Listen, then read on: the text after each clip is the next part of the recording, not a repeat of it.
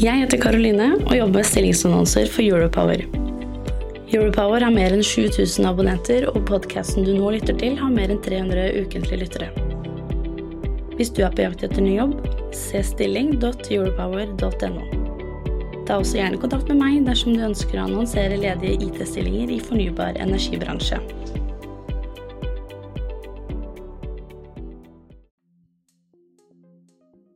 Vi taper minst 300 000 kroner hver dag når vi lar den varme gå til, eh, til eh, luft, i stedet for å kjøre den til energiproduksjon. Du lytter til Energidebatten og lyden fra et live webinar om overskuddsvarme som Enery Partner produserte i samarbeid med Sintef og HIF.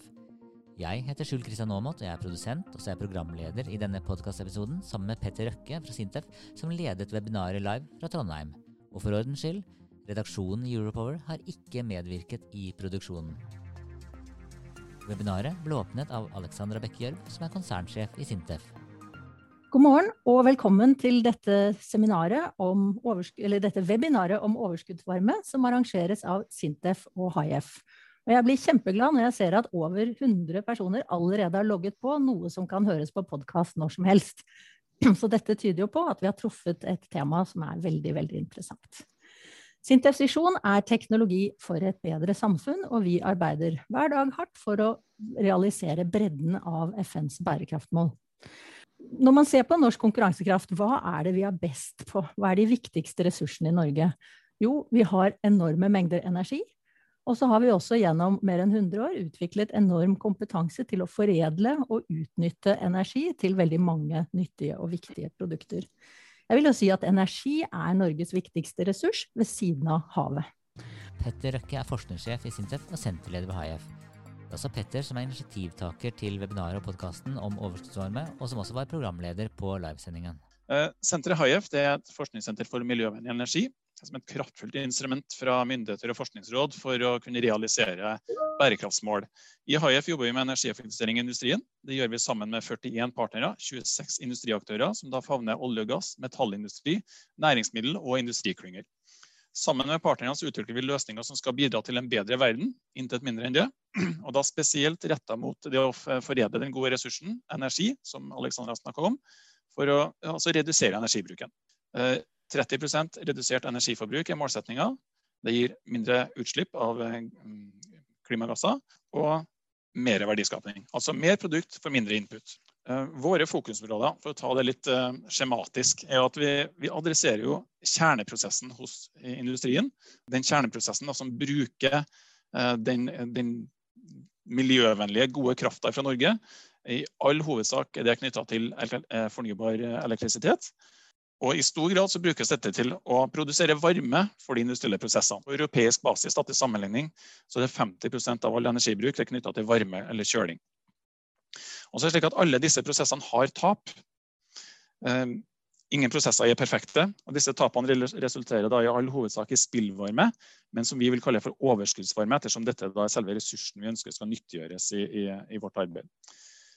Eh, den kan fanges også de alternative bruken er jo avhengig av kvaliteten, som jeg skal komme litt tilbake til etterpå. Den kan brukes direkte i form av varme til andre anvendelser. Den kan oppgraderes i form av f.eks. For varmepumper tilbake til eh, et riktig nivå som kan brukes i industrielle prosesser. Eller den kan konverteres til f.eks. elektrisitet eller til andre energibærere. Et eh, aktuelt punkt som også har vokst fram, er jo det med termisk lagring det å kunne lagre det som varme fremfor å lagre det som elektrisitet, og, og unngå den konverteringa frem og tilbake der, hvis det er varme man til slutt skal bruke i, i sine prosesser.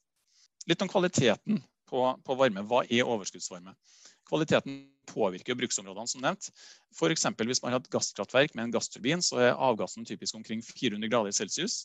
Dette kan brukes direkte i en dampsyklus, som da eh, kan produsere kraft, elektrisitet, som går inn på nettet. Eh, går man under 250 grader, så er ikke det like effektivt. Og man må gjerne se etter andre eh, anvendelser. Det å konvertere den direkte til elektrisitet er ikke like kostnadseffektivt. og Det er litt det området man har sett på i det som vi har jobba med her konkret. Også, det er en enorm ressurs. da, og For å sette litt tallene på det, ca. 20 TWh per år er, fra norsk industri er under 250 grader celsius. Så Det utgjør i underkant av 10% av det årlige kraftbruken, energibruken i Norge. Så det er en enorm ressurs. Og Hvis man tar bare et område som sett på konkret for en kronikk vi hadde i Dagens Næringsliv her før påske, så sa vi at i området 100-250 grader så er ca. 6 TWh per år. Og det er bare fra norsk metallindustri, som i dag ikke utnyttes. Og Det tilsvarer da faktisk det årlige forbruket av fjernvarme i Norge. Men hva kan denne overskuddsvarmen brukes til? Det kan være avokado, vi kan tørke tare. Vi kan bruke til lavtemperatur fjernvarmenett, som er vist med Koteng sitt, eh, sitt, nye anlegg på Leangen, hvor det skal utvikles uh, stort boligfelt. Uh, eksotiske reker ble nevnt i innledninga her. Også kanskje kan det brukes til CCS, for det krever mye energi i form av varme. Så Det er en innledning fra min side. Og så er jeg veldig glad for at regjeringa ville stille opp også her og si litt om sitt perspektiv, for de har jo også foreslått en endring av energiloven. Så tusen hjertelig takk til statssekretær Lars Andreas Lunde, da, som er slik jeg forstår det, 50% for OED og 50% for NFD. Og Det er jo høyst relevant, for da er du ikke bare mellom to stoler, du er virkelig midt i smørøyet i forhold til hva vi skal snakke om her i dag. Så med det gir jeg ordet til deg, Lars Andreas Lunde. Tusen takk skal du ha. Eh, håper alle hører meg. Og tusen takk for, for, invitasjonen til å få snakke hit og få presentere litt av en, del av, en viktig del av regjeringens energipolitikk. For klart det, det overordnede perspektivet for både energipolitikken og for så vidt andre deler av politikken, er jo den store utfordringen hele verden uh, står overfor nå. tenker jeg ikke på pandemien, den er litt mer kortsiktig forhåpentligvis, men det mer den, i det mer lang, litt lengre perspektivet, nemlig klimautfordringen. Som jo, ja, et større perspektiv, er den, er den største utfordringen uh, verden står overfor nå. Og vi skal nå ambisiøse klimamål uh, som ble nedfelt i Parisavtalen for et par år siden. Og det er ingen tvil om at Skal vi nå de felles målene som verden har satt seg i, i, Paris, så kreves det store omstillinger til. Ikke minst i energisektorene. Eh, som kjent så står av produksjon og forbruk av energi for det aller, aller største delen av eh, klimagassutslippene. Vi skal altså gjennom et omfattende endringer, vi skal gjennom et omfattende grønt skifte. Eh, noen er kanskje bekymret for kostnadene ved dette det er klart, På kort sikt så vil det selvfølgelig også kreve betydelige kostnader, betydelige investeringer. Men, men, regjeringen er enda mer fokusert på hva faktisk de mulighetene dette kan gi for Norge. Og, de, og der, de, de, er store, ikke minst med vår bakgrunn som en energinasjon, og med de store fornybare eh, energiressursene og den kompetansen Norge har på dette området, så har Norge et veldig godt utgangspunkt for å ta del i det grønne skiftet, som for så vidt allerede er gang, men, men, i gang, men som da ytterligere vil bli, bli forsterket i, i årene fremover. For det er ingen tvil om at med lave kraftpriser og mye grønn elektrisitet, så er det attraktivt for, for nye grønne næringer eh, å komme til Norge. Eh, og velkommen eh, skal dere være. Eh, i, vi, vi, jobber nå med, med, en stortingsmelding hvor vi ser på hvordan vi kan bruke energiressursene våre eh, i lys av klimautfordringen til, til, verdiskaping, altså langsiktig verdiskaping basert på våre energiressurser. Det er, det er en stortingsmelding vi kommer til å, til å legge frem nå i løpet av, i løpet av våren. Her ser vi jo det at, at, at, kraft, samfunnet elektrifiseres og, og, nye næringer etableres. Vi, vi ser ambisiøse planer både innenfor batterifabrikker, vi ser innenfor hydrogen. Uh, avokado har jeg ikke hørt om før, men i hvert fall det ble jo også presentert her. Så det er også, også selvfølgelig mulighet og mange andre ting som gjør at energibehovet vil, og elektrisitetsbehovet vil bli større i årene fremover. Vi har eh, et betydelig kraftoverskudd eh, i dag, men det er klart at med alle disse planene, dersom alle disse planene blir lagt, som, vi i dag hører om, blir realisert, enten det er batterier eller avokadoer, eh, så kommer vi til å trenge mye mer strøm fremover. Og nettopp fordi at ikke minst fornybar energi fremover. Og ikke minst at det er veldig mange planer gjør at det er nok også er betydelig usikkerhet, selvfølgelig. Eh, hvor mye elektrisitet vi faktisk kan trenge. Det vil være avhengig av hvor mye som, som, materialiserer seg. Men det er ingen tvil om at vi kommer til å ha et stort behov for mer fornybar energi eh, i, i, årene fremover. Men da er det viktig at vi ikke bare fokuserer på hvordan vi skal produsere mer energi, men det er vel så viktig hvordan vi faktisk bruker den energien eh, vi har i dag, eh, mer, eh, mer, mer effektivt. Eh, det heter seg så at eh, all, all, energiproduksjon har jo miljøkonsekvenser på den ene eller den andre måten. Også de fornybare, vi snakker om vindkraft, vannkraft, eh, bioenergi osv. Men den energien vi ikke bruker, det er jo det er klart den, den, mest miljøvennlige energien vi, vi, har. Og den energien vi bruker mer effektivt, sånn som i form av spillvarme f.eks., er jo vil også si at det er jo en klart kanskje den mest miljøvennlige formen for, for energi. Og, det, og, også mer energieffektivisering vil jo også redusere presset på kraftnettet, som jo også er en utfordring i mange deler av landet allerede i dag. Og det er kostbart å bygge, bygge nytt nett. Eh, regjeringen har derfor foreslått at datasentre og, andre store anlegg som bruker mye energi, skal pålegges, skal pålegges å utrede mulighetene for å benytte eh, overskuddsvarmen eh, fra, fra, disse sentrene. Og vi håper at dette kan kunne bidra til en betydelig energieffektivisering. Eh, dette potensialet det er stort. Vi hørte noen i de tidligere eh, presentasjonene her i dag. og Et eksempel vi har er f.eks. at bare ved Fortum Varmes datasenter på Ulven i Oslo, så kan overskuddsvarmen dekke varmebehovet i 5000 boliger. og Det tilsvarer energien i om lag to vindturbiner. Vi vet at overskuddsvarme fra både industri og datasentre kan utnyttes til, til, oppvarming av boliger, bygninger eller i industriprosesser, oppdrettsanlegg osv. Her er det bare fantasien som setter grenser. Regjeringen ønsker at et pålegg om å utrede overskuddsvarmeutnyttelsen skal bidra til at virksomheter med overskuddsvarme, som ikke har oppvarming som en del av sin virksomhet, sånn som f.eks. av datasentre, skal bli oppmerksom på de mulighetene som finnes eh, på dette området. Dette forslaget har vært på høring, eh, og det, og det, forslaget som har vært på høring innebærer konkret at det tas inn bestemmelse i eh, energiloven som gir hjemmel til å kreve at eiere av energianlegg og industri må gjennomføre en kost-nytte-analyse av mulighetene for å utnytte eh, overskuddsvarme. Dette gjelder for alle nye anlegg, og også betydelige oppgraderinger av, av eksisterende anlegg. Dette forslaget er i tråd med, med, EUs energieffektiviseringsdirektiv, men vi fra norsk side ønsker, og fra regjeringens side ønsker å gå lenger enn det EU gjør.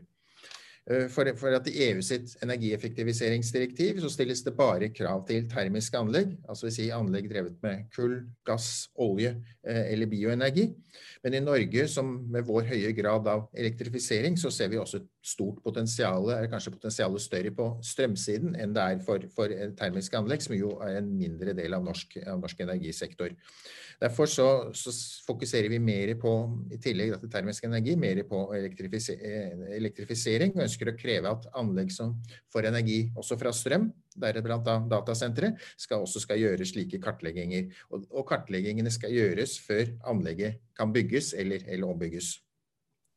Eh, de virksomhetene som er omfattet av energieffektiviseringsanlegget, eh, er, anlegg med termisk energi som pålegges å utnytte overskuddsvarmen dersom analysen viser at det er lønnsomt. Altså, de skal selvfølgelig også innfri EU-direktivet. Eh, Eh, for datasentre og, elektriske industrianlegg så har vi imidlertid ikke foreslått krav om å gjennomføre eh, lønnsomme prosjekter. Vi kommer litt tilbake til etterpå hvordan, hvor, hvorfor, hvorfor dette. Eh, men hvis man ser på de høringssvarene som har kommet inn, så er de i all hovedsak positive til at man legger til rette for økt utnyttelse av overskuddsvarme. Men som det ofte er i slike høringsrunder, så er det noen som mener at vi går for langt, mens andre mener at vi ikke går langt nok. Noen aktører er bekymret for at særnorske spillvarmekrav vil gjøre at industri- og datasenteraktører velger å etablere seg i andre land, at man får en form for lekkasje på det, på det området.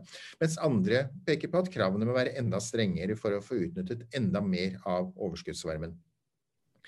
Eh, vi ønsker ikke at aktørene skal starte analysen med et utgangspunkt der de frykter et senere pålegg. Dette kan føre til dårligere analyser. Derfor er altså vårt krav om at det skal gjøre en kartlegging, men vi kommer ikke nå til å kreve at man skal gjennomføre, uh, gjennomføre tiltak. Vårt viktigste anliggende er at aktørene skal gjøre gode analyser, og de skal bli oppmerksomme på, på de lønnsomme, lønnsomme, mulighetene som finnes til å utnytte overskuddsvarmen, og at dette kan lede, vil lede til at de selv vil ønske å realisere potensialet, for de ser at dette er noe som, som vil kunne bli, bli lønnsomt. Og vi tror at de beste løsningene blir til i samarbeid med, mellom lokale myndigheter og, og næringsliv, og ikke gjennom et nasjonalt pålegg om at overskuddsvarmen skal, skal utnyttes. Så Det var en kort presentasjon av det, det forslaget til endringer i energiloven som vi altså nå har hatt ute på høring, og som vi nå da går gjennom de, de høringssvarene som, eh, som, er kommet. Og vi, og vi vil da fremme et, et, en proposisjon om, om, denne endringen når vi er ferdig med dette. Takk, takk for oppmerksomheten.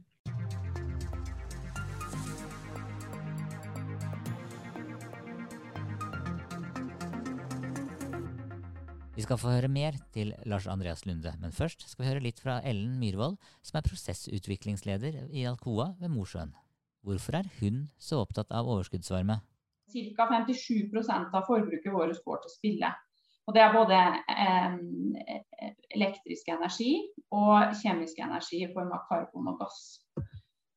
Vi, har, vi, bruker faktisk eh, om lag 3-4% av energiforbruket i Norge i Mosjøen, i den lille byen vår. Så vi er omgitt av veldig lite folk og industri som kan utnytte den varmen. Derfor er det å bruke den til varme vanskelig eh, og, utfordrende har utfordringer ved seg.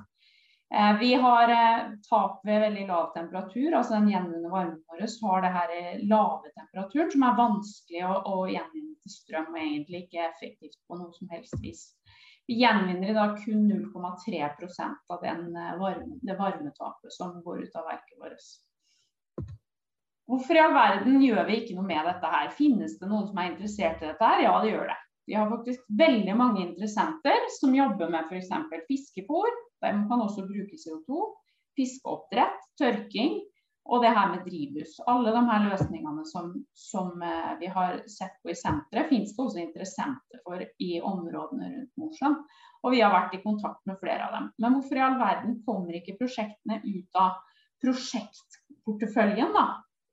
Det er faktisk nesten så enkelt som jeg sier her. Altså, eh, på den eh, positive sida så er det sånn at, eller på den negative sida for, for gjennomføringa, så, så, er det det her at det, å gjenvinne varmen vår er ganske dyrt, og noen ganger ganske komplekst. Det er jo det vi jobber med i, i både senteret HIF og i SFI Metal Production. Fordi varmen må gjenvinnes fra skitten gass for at vi skal få den eh, temperaturen vi ønsker oss. Det gjør at det er komplekst, og dermed ikke et helt um, lite um, Capex-pådrag som må, må, til for å få tatt varmen ut. Store anlegg og mange ganger veldig mange forskjellige plasser hvor varmen må tas ut. Og vi skal jo ikke, som jeg prøver å poengtere mange ganger, leve av å selge varme. Eh, og Derfor så har vi lite modne i forhold til å få ta tak i løsningene. Vi kan ikke så veldig mye om varmegjenvinning. Vi, vi, vi, prøver å kunne mest mulig om å lage aluminium effektivt og, og, og eh, til den kvaliteten som våre kunder eh, ønsker seg. Eh, og denne varmen er jo et overskuddsprodukt fra vår side som, som vi kan for lite om, eller, eller ikke kan nok om. Um, og så har vi et veldig dårlig utvikla leverandørindustri i Norge for fjernvarmeløsninger. Altså, det er ikke på den samme måten som når vi trenger varme, et varmebehov en plass. Så kan vi, kan vi, sende ut en forespørsel, og vi får 15 elektrikere som er interesserte, eller firmaer som selger elektriske løsninger. Og vi får egentlig ingen som selger en varmegjenvinningsløsning som, som, som et ferdig produkt. Så Dermed så havner veldig mange av de partnerne over på her, den elektriske løsningen, fordi den er billigere.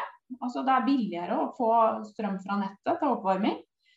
Og kanskje litt av den grunn så er også leverandørindustrien i Norge best på elektriske løsninger, og foreslår ofte det hvis man eh, har en, en, et oppdrag ute på, på forespørsel. Det er jo sånn vi har hatt det i veldig mange år. Vi har hatt en konkurransedyktig lav pris på strømmen vår. Det er jo derfor vi er her. Så hva er egentlig årsaken til at vi ikke klarer å gjenvinne mer varme? Jo, det er faktisk tilgangen på den konkurransedyktige grønne krafta vår. Så det her er et litt sånn paradoks. Og jeg syns jo det er veldig jeg skulle si spennende, men også litt sånn eh, skummelt. For den, eh, den energieffektivitetslovgivningen som regjeringa nå foreslår, det, den har jeg nesten predikert siden jeg begynte i denne bransjen for 20 år siden. For det er kanskje det som, som må til, at, vi, at, at, det blir litt lover og reguleringer. Og at, at uh, sirkulærøkonomien også handler ikke bare om materialer, men også om energi.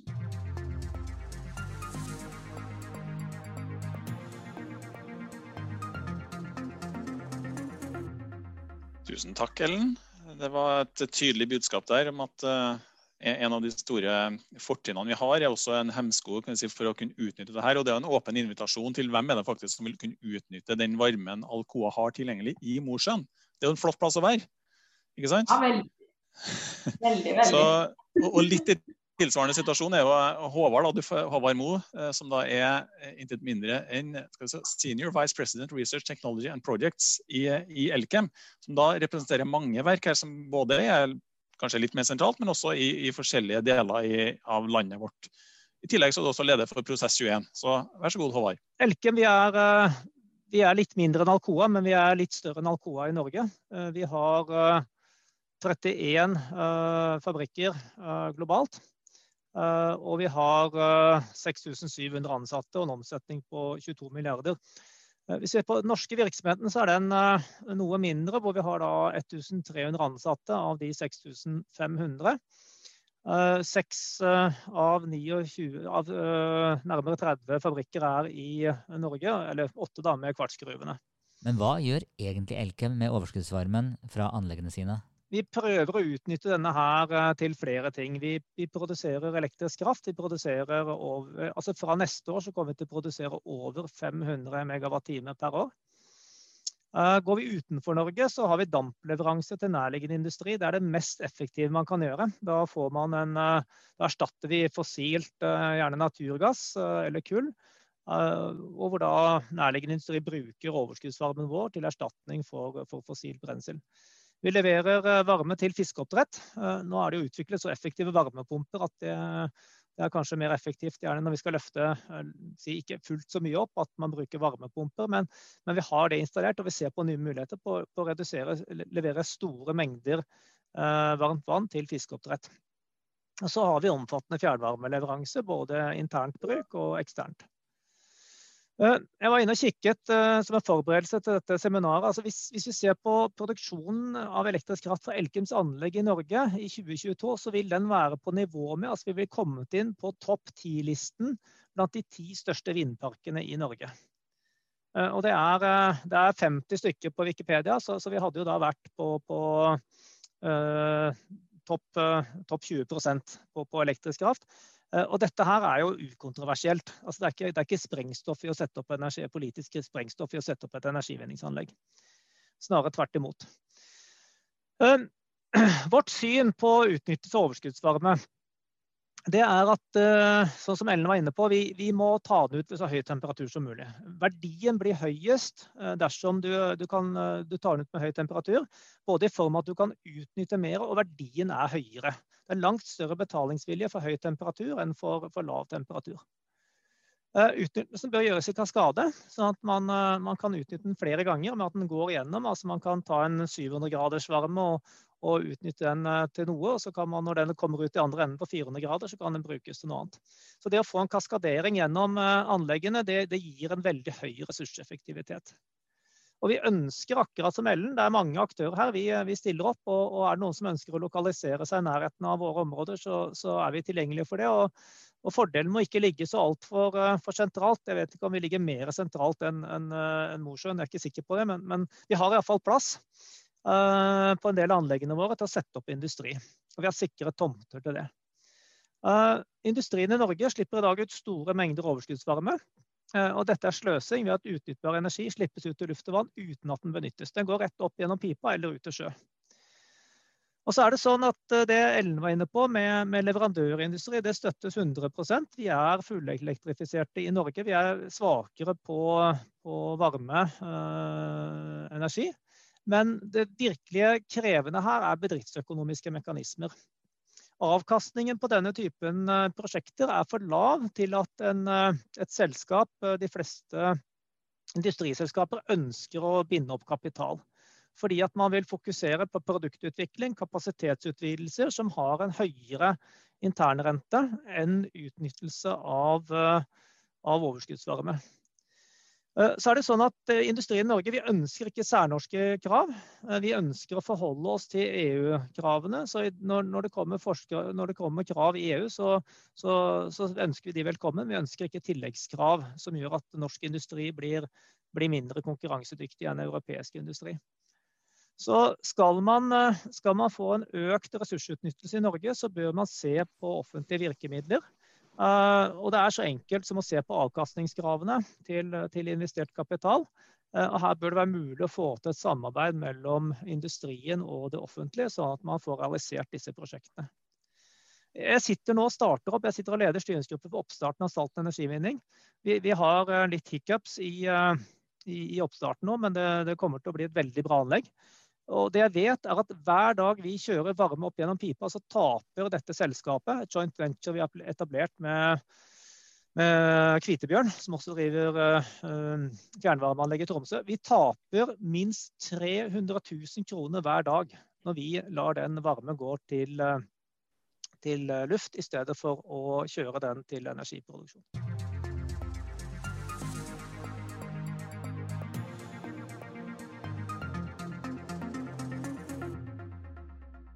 Tre 000 kroner hver dag, det er jo også penger. Så det viser jo kanskje hvor relevant denne tematikken er.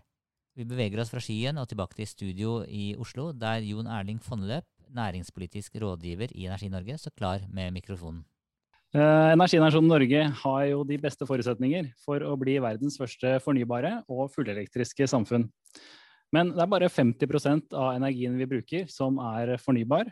Eh, og som vi har hørt her i dag, så kaster vi jo bort veldig mye energi på overskuddsvarme som går rett til værs eller ut i elva. Og det er jo både sløsing og ikke bærekraftig. Så for å få fart på innsatsen, så har Energi Norge lansert et eh, mesterskap, VM i fornybar energi. Og med oss på laget så har vi fått eh, den ikke ukjente fotballspilleren Ada Hegerberg, som er eh, kåra til verdens beste fotballspiller og spiller på Lyon. Hennes beste treningstips det er lagspill. Samspill er avgjørende for seier i mesterskapet. Og det er jo nettopp samspill vi snakker om her i dag samspillet på tvers av sektorer som hjelper oss til å bygge det fornybare energisystemet. Elektrifisering er det beste klimatiltaket vi har. Det gir både utslippskutt og energieffektivisering på en gang. Men samtidig så er ikke alt eh, elektrisk. Det er mange prosesser som ikke bruker strøm, og vi sitter jo igjen med mye restvarme. Så gjenbruk av denne varmen muliggjør eh, verdiskaping, Eh, for når stadig nye sektorer i samfunnet skal elektrifiseres, så gjelder det jo at vi bruker strømmen best mulig. Den strømmen skal produseres, og den skal leveres i det samme øyeblikk som det er behov for den. Det er dyrt å bygge strømnett, så derfor så må vi bruke det strømnettet best mulig. Og utnyttelse av overskuddsvarme det frigjør kapasitet i kraftnettet, så vi kan utsette nettinvesteringer. EU eh, e lanserte en strategi i fjor sommer som omhandler nettopp dette, nemlig strategi for energisystemintegrasjon. Et eh, vanskelig ord, men eh, det står det i innledningen. Koordinert planlegging og drift av energisystemet som helhet på tvers av energibærere, infrastruktur og forbrukersektorer er veien til en kostnadseffektiv dekarbonisering i tråd med Parisavtalen. Det er en god oppsummering egentlig, av det vi snakker om her i dag konkretisert da ved energieffektivisering, gjenbruk av spillvarme og direkte elektrifisering. Og hvordan skal vi få til dette her? Jo, vi må rett og slett eh, snakke sammen.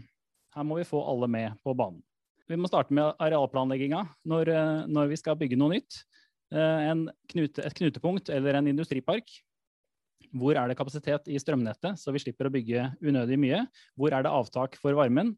Kan vi etablere nye næringer som kan eh, bruke, strø, bruke overskuddsvarmen, eller kan vi eh, koble varmen inn på fjernvarmenettet?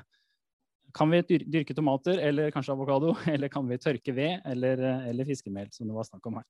Kan vi koble på en varmepumpe og få mer, mer nyttig varme ut? Jeg har jo fått spennende nyheter fra Sintef med høy, høyeffektive høytemperatur-varmepumper som kan levere 180 grader. Da, da får du faktisk brukt mye av overskuddsvarmen.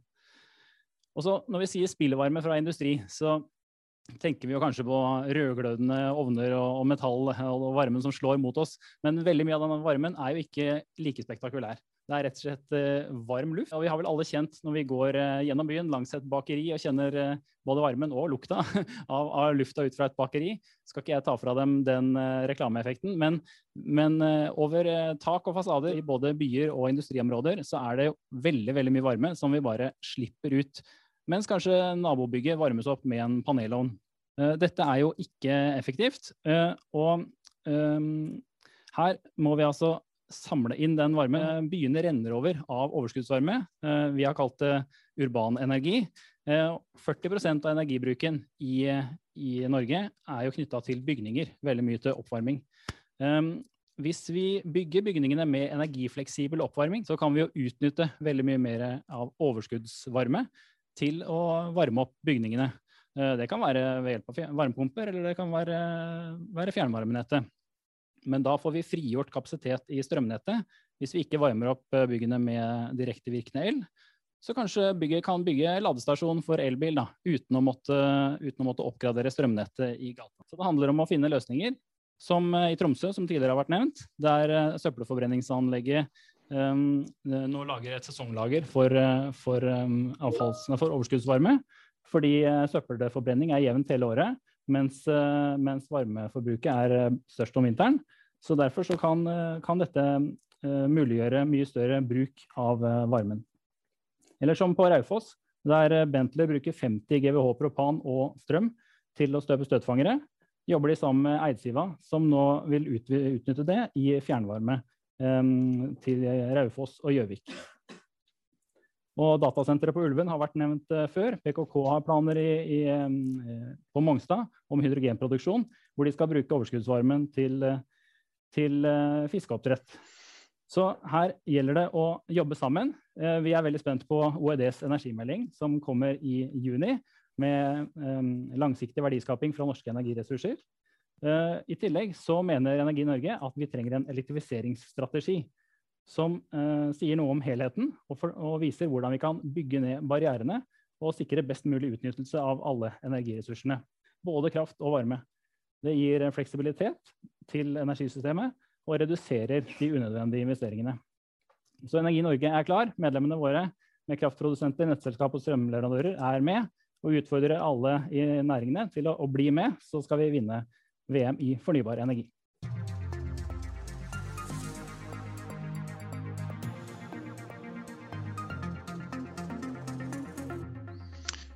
Tusen takk, Jon Erling. En glimrende oppfordring eh, på, på tampen der. Um, skal vi ta med oss videre. Og så eh, skal vi få et oppspill til fra en uh, viktig bransje. En bransje for framtiden så absolutt, da, som da er, datasenteret. Som da ønsker å etablere seg selvfølgelig i Norge, basert på uh, rimelig og fornybar kraft. Men som da også har uh, overskuddsvarme tilgjengelig for andre formål. Og Da er det da Liv Freia Freio som stiller opp her i dag. Tusen takk for at du stiller. Det er direktør politikk i IKT Norge, så vær så god.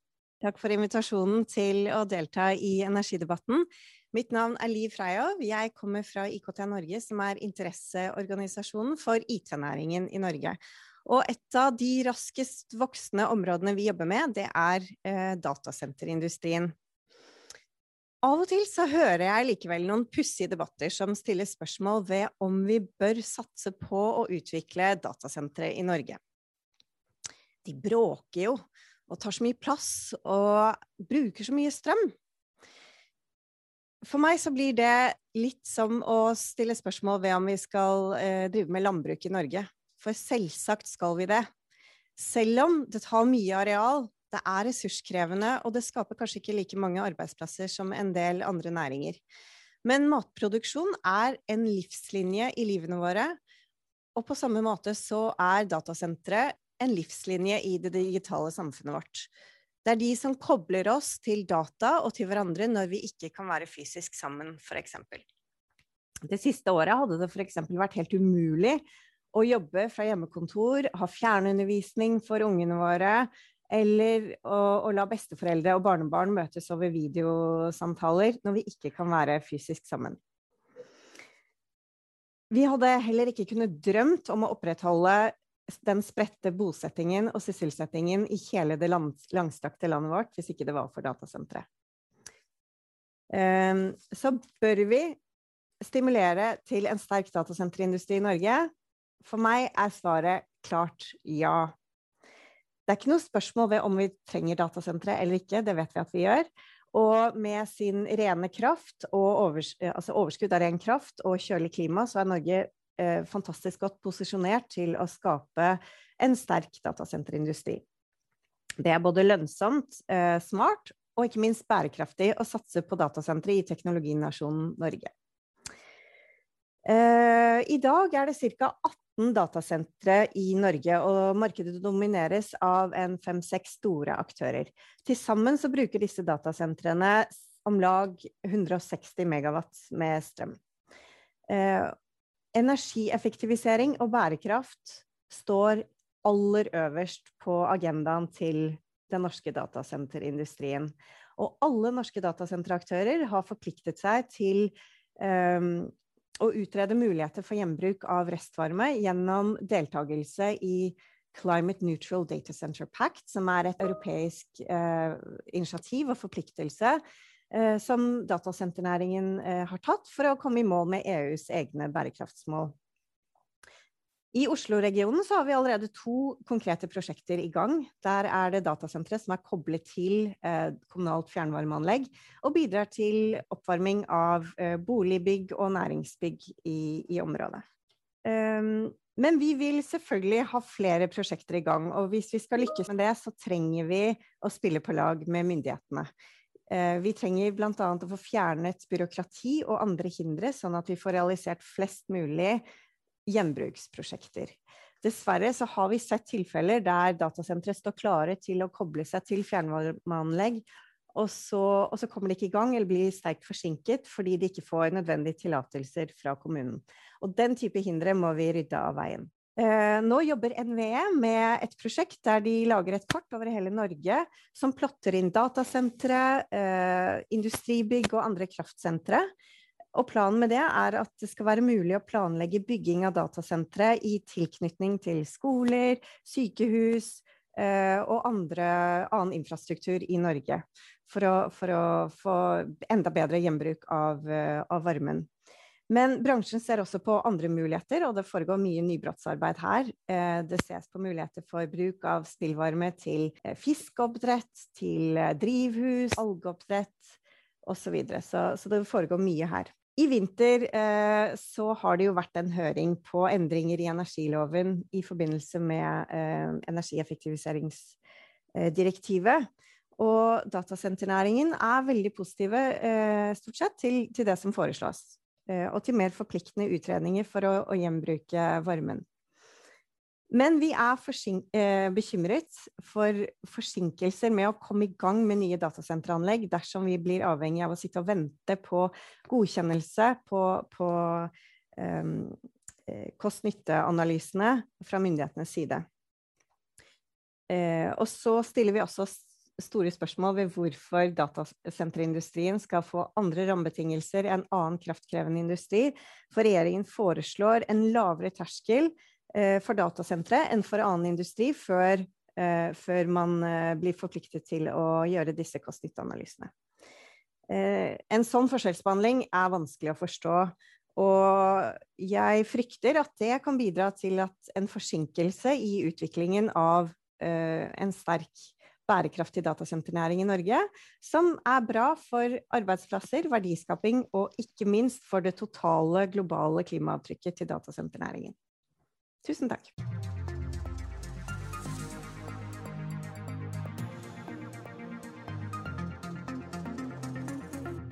Tusen takk, eh, Liv. Eh, den, den, siste kommentaren der er også i tråd med den tilbakemeldingen som vel ble gitt det var Statkraft sitt høringssvar, at uh, frykter at krav om utnyttelse av overskuddsvarme vil kunne skremme vekk datasentrene um, som nye potensielle viktig næring i Norge. Ehm, så da takker jeg til alle som har deltatt her nå. Så, så, har vi noen spørsmål her som har kommet eh, fra Fjernvarmeforeningen, Trygve Tomren Berg. Ehm, barrieren i fjernvarmemarkedet handler ikke først, om, først og fremst om leverandørindustri, men markedet for varmen i norske bygninger. Regjeringen foreslo for to år siden å styrke kravene til vannbåren varme i byggregelverket noe f.eks. Enova ønsket sterkt. Spørsmål til Lunde da, Hvorfor valgte dere ikke å gjennomføre eget forslag? Litt vanskelig for meg, for at uh, dette er jo Kommunaldepartementets sitt, sitt ansvarsområde. Så, så, jeg kjenner ikke til akkurat dette regelverket. For det er altså Kommunal- og moderniseringsdepartementet som har ansvaret for, for bygg, byggregelverket. Mm. Så det må nesten adressere dit, da. Ja, ok. Et spørsmål som vi har fått, da, det er jo hvilke næringer utover fisk, uh, tørking, drivhus, fjernvarme og det som allerede er nevnt, tenk, tenker vi i Sintef at det kan benytte uoverskuddsvarmen til. og det vi, det er jo nevnt her allerede det med kvalitet på varme. og Håvard var jo tydelig på det her at da bruker den så tidlig som mulig når den er så varm som mulig. Uh, og så er det jo varmestrømmer som vi også har sett på innenfor forskningssenteret vårt, hvor man har rør med flytende sjokolade på, på sjokoladefabrikker. Uh, som, som, er varmekilder, men klart de holder jo langt lavere temperatur, og da blir bruksområdene færre. Men det, det, vi ønsker, er å kunne, kunne få innspill fra næringa som da er interessert i spillvarme, overskuddsvarmen. Og, og den aller første videoen vi, vi, så i dag fra de, de, de her som ønsker å dyrke fram tropiske reker, eh, det er jo et direkte oppspill, et direkte svar på noe som i hvert fall vi ikke har tenkt på. Og det oppfatter jeg jo at de, de, de som nå har gitt sine kommentarer og innspill her nå, som, som, har den varmen tilgjengelig, er jo også ute etter flere aktører. Det, det, det som er nevnt, ikke sant, så står det fisk, ja, drivhus, som typisk trenger den trenger ikke 400 grader, for da, da steiker jo maten. ikke sant? Men det er snakk om at du skal ha en lavere temperatur for å kunne tørke maten, dyrke maten, dyrke altså de næringsmidlene. Så um, det er jo et oppspill fra oss og en invitasjon til det. Ja, Det er et oppfølgingsspørsmål jeg får der til Lars Andreas. Da. På hvilken måte samarbeider de ulike departementene om å få til gjenbruk av overskuddsvarme? Nå sitter jo du innenfor to departement, da, så da kan du jo si litt om de to. i hvert fall. Ja, det, det er selvfølgelig veldig bra. Vi har jo, det er klart De som er mest nærliggende å samarbeide med her, er jo, er jo selvfølgelig Kommunaldepartementet i forhold til fjernvarmeregelverket og bruk av varmen i, i bygg. Selvfølgelig. Eh, og så har jo Klima- og miljødepartementet har jo ansvaret for sirkulær økonomi. Jeg reklamerte litt for vår stortingsmelding her, men også Klima- og miljødepartementet kommer jo også med en strategi for sirkulær økonomi også nå, nå i våres. Og det er klart varme er jo også en Det er ikke bare det man kan ta på som kan resirkuleres, eh, også bl.a. varme eh, kan resirkuleres. og og klart, eh, Mulighetene som også ble pekt på fra, fra Sintef her, var jo at det er klart at det er jo som jeg også sa i innlegget mitt, det er egentlig bare fantasien som setter grensen for, for uh, hva man kan bruke varmen til. Uh, bygning er selvfølgelig én ting, men det er veldig mange, veldig mange, ulike næringer. Enten det er snakk om avokado eller reker, eller uh, ja, som sagt, det er bare, egentlig bare fantasien som, som setter grenser for det. Takk, Lars Andreas et spørsmål her til eh, Liv da, på IKD, i IKD Norge. Om man tenker at plassering av datasentre for lett å kunne utnytte vare, f.eks. til fjernvarme. Altså det er rett og slett Lokaliseringsspørsmålet fordeles til om, hvor, hvor, viktig er det? Eh, nei, Der er jo selvfølgelig eh, gjenbruksmuligheter for varme ett et element som vurderes. Men lokaliseringsspørsmål det eh, handler om veldig mye mer også. Det handler om tilgang på, eh, på areal og priser på areal, selvfølgelig. Det handler om tilgang på fiber, nettverksinfrastruktur. Eh, på selvfølgelig tilgang til, eh, den, til eh, stabil kraft. Og, og, i noen tilfeller også nærhet til kunder. Så det er et sammensatt spørsmål. Men det er klart, gjenbruksmuligheter er Og i hvert fall når vi får videreutviklet det, og man finner både lønnsomhet og økt effektivitet i sånne gjenbruksprosjekter, så kommer det til å veie tungt. Tusen takk. Jeg har et spørsmål til uh, Jon Erling, altså Energi Norge.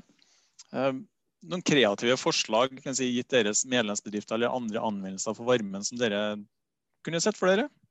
Ja, Nå er det nok ikke opp til meg å, bygge si, nye, nye, fabrikker, men, men dette med altså, mest mulig skal over på strøm. Elektrifisering er jo eh, vårt beste tiltak, men eh, vi må bruke strømmen der vi får mest mulig igjen for den. Og, og, strømmen skal transporteres, og strømnett er dyrt. Og vi må sørge for at vi bruker det strømnettet mest mulig effektivt, altså utnytte kapasiteten.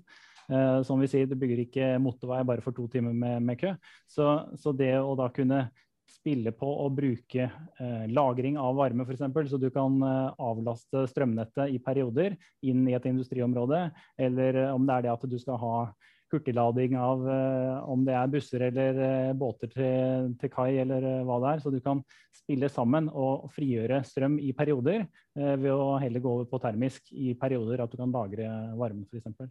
Her tror jeg vi må se helheten. Um, F.eks. gjennom denne elektrifiseringsstrategien som eh, vi snakka om. Eh, når alt skal gå på strøm, så må vi sørge for at vi gjør det på et eh, mest mulig kostnadseffektiv måte. Og da må vi utnytte de mulighetene vi har da, til å utnytte kapasiteten best mulig og spille energivarene sammen, så det blir gode sammen.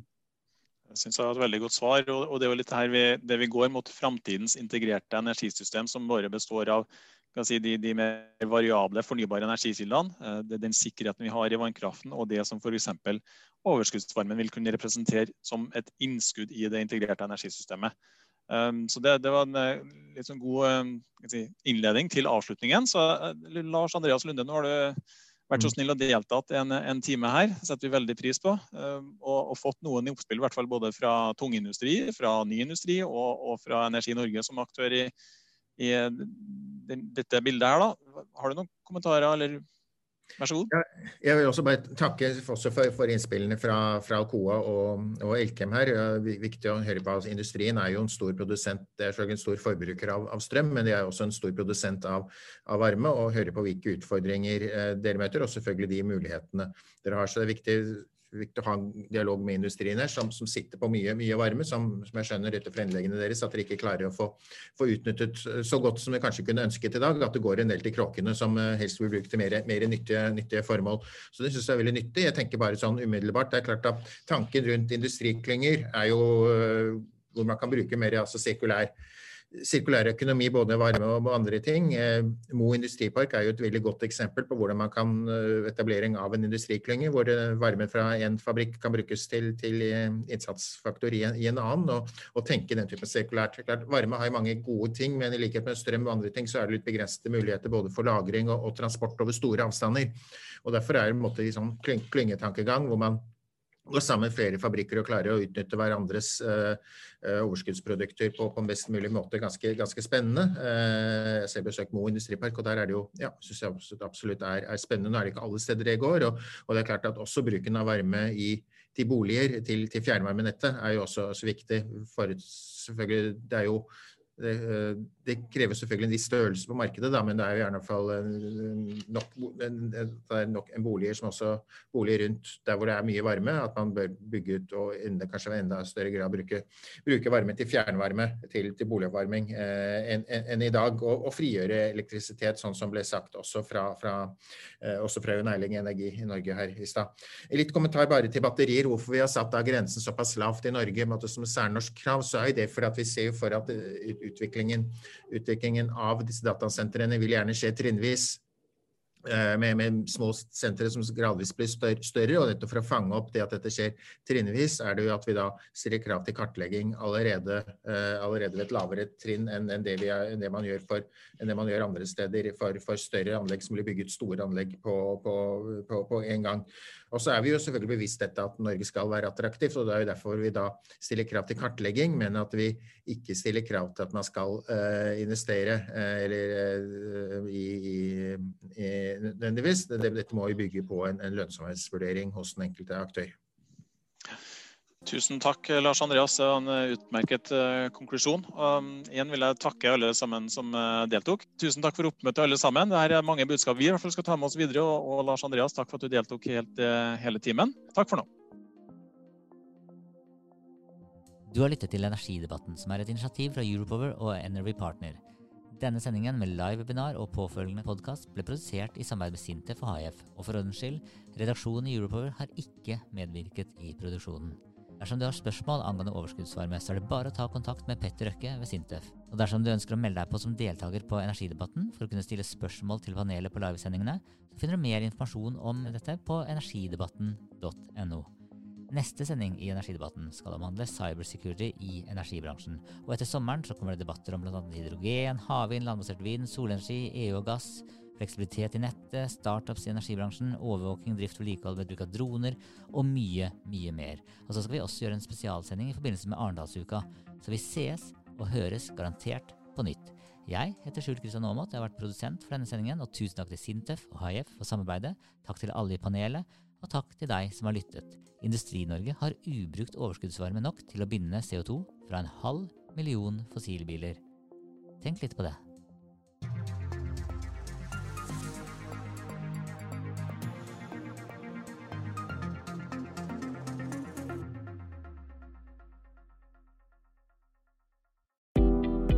Jeg heter Karoline og jobber med stillingsannonser for Europower. Europower har mer enn 7000 abonnenter, og podkasten du nå lytter til, har mer enn 300 ukentlige lyttere.